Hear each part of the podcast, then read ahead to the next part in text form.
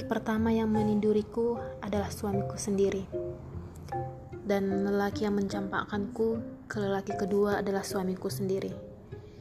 Dan untuk perempuan yang begini busuk dan hampir tak mampu lagi melihat hal-hal yang baik dalam hidup ini, maka lelaki kedua hanyalah saluran menuju lelaki ketiga, keempat, ke sepuluh, ke empat puluh, ke seratus, ke tujuh ratus.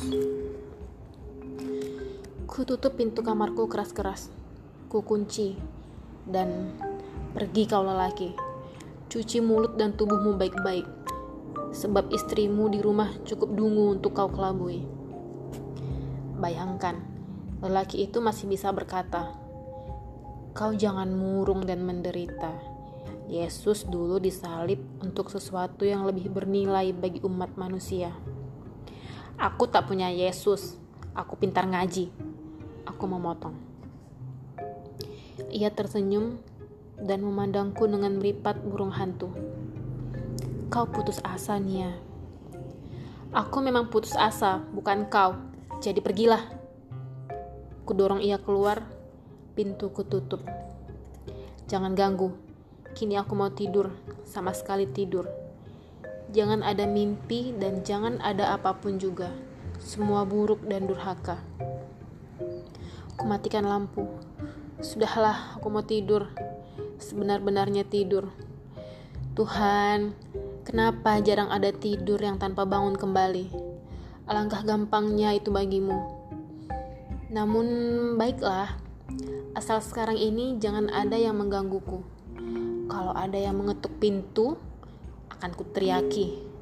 Kalau ia mengetuk lagi, teriakanku akan lebih keras. Kalau ia ulang lagi, akan kubuka pintu sedikit dan kuludahi mukanya. Dan kalau ia masih mencoba merayu juga, akan kubunuh. Datanglah besok pada jam kerja semaumu.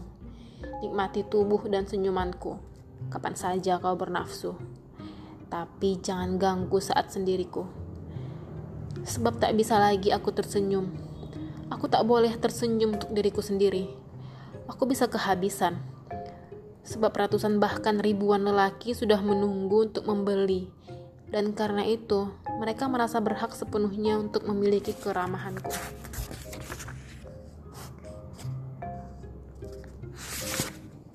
Padahal, aku sesungguhnya tak punya keramahan lagi. Coba, siapa yang lebih bijak dari pelacur? Tersenyum terus-menerus kepada setiap lelaki meladeninya seperti seorang permaisuri yang terbaik atau setidaknya seorang istri teladan. Melakukan segala kemauannya tanpa boleh menolaknya kecuali aku kehilangan kemungkinan di hari-hari berikutnya. Aku harus ramah, supel, senyum dalam keadaan apa pun. Jadi hitunglah berapa kekuatan jiwa yang kubutuhkan untuk melakukan itu tanpa ada hentinya sedang Pak Kiai di desaku sudah sukar tersenyum, meladeni sekian ratus atau sekian ribu orang setiap hari. Dan ia menjadi patung yang mengulurkan tangannya. Tetapi ia dipercaya seperti Tuhan, dan aku hanya bergantung pada dagingku. Ah, kenapa mengeluh? Pelacur yang baik tak pernah mengeluh. Sekarang tidur, tidur. Dan besok, kukira aku akan berpesta diam-diam dalam diriku. Buat lelakiku yang keseribu. Tak tahu bagaimana, ini semua tak ada yang baik bagiku. Tetapi ada hal yang menarik.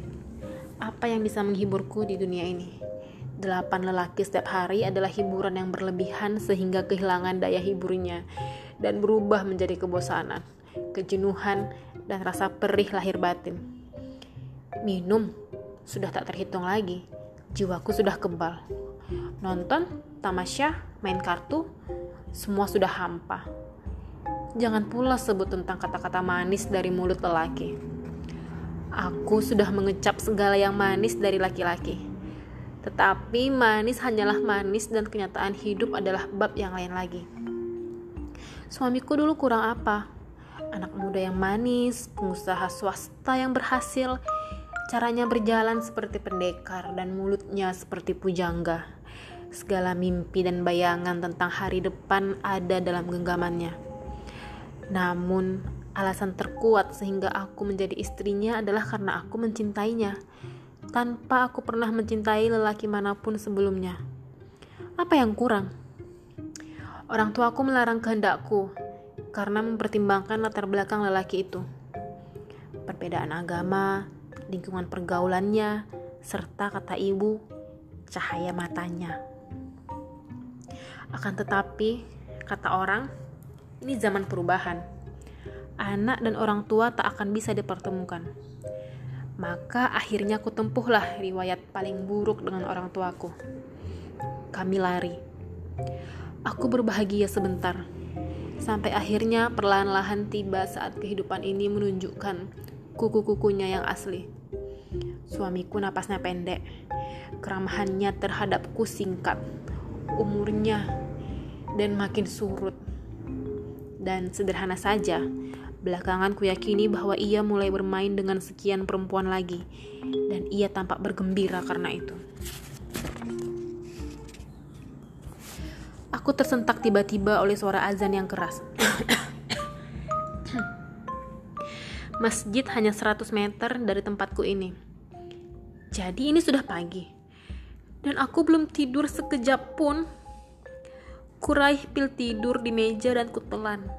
Suara azan terus mengalun dan mengejekku. Dalam warna-warni yang malang melintang di mataku. Akhirnya aku lenyap ke dalam mimpi buruk. Mimpi seburuk-buruknya yang bahkan tak pernah dialami oleh setan maupun malaikat. Namun, hari ini memang hari besarku. Di sore hari, dalam tubuh dan jiwa lungkrahku, sampailah aku dipelukan lelaki ke seribu di ranjangku. Anak muda yang menarik, pakai jeans dan bawa tostel. Kelihatannya ini pegawai surat kabar. Mau memfoto aku bugil kan? Kucoba melangkahi maksudnya. Ia menggeleng dan tersenyum. Kau tak menghendaki itu kan? Aku hampir menunduk tapi kutahankan. Tapi segala sikap dan perkataannya kepadaku sungguh lain. Aku agak gugup. Dan ini yang penting. Ia tak menyetubuhiku. Aku makin gugup. Demikianlah kami hanya bersetubuh batin. Begitu singkat, tapi segala yang kupertahankan di batinku ambrol. Tak tahu apa yang terjadi. Tapi malam itu aku nangis ini mimpi yang lain sama sekali. Tak tahu apa.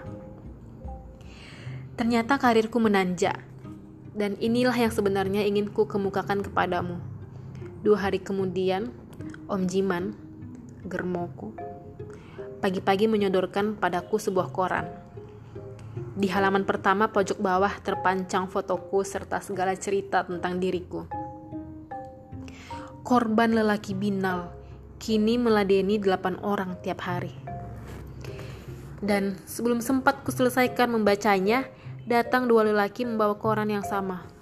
Memandangku dengan aneh. Satunya tersenyum.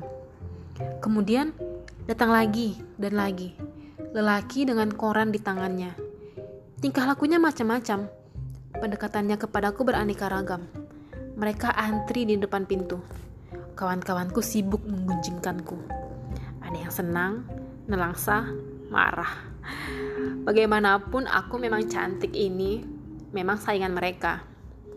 Si Minah merampas koran dari salah seorang lelaki dan merobek-robeknya. Kemudian menangis sekeras-kerasnya. Aku bingung. Ayo, berapa lelaki merangkak di ranjangku dalam sehari? 10, 12, 15, atau 5 orang sekaligus? Mau jadi babi mabuk di seputar tubuhku.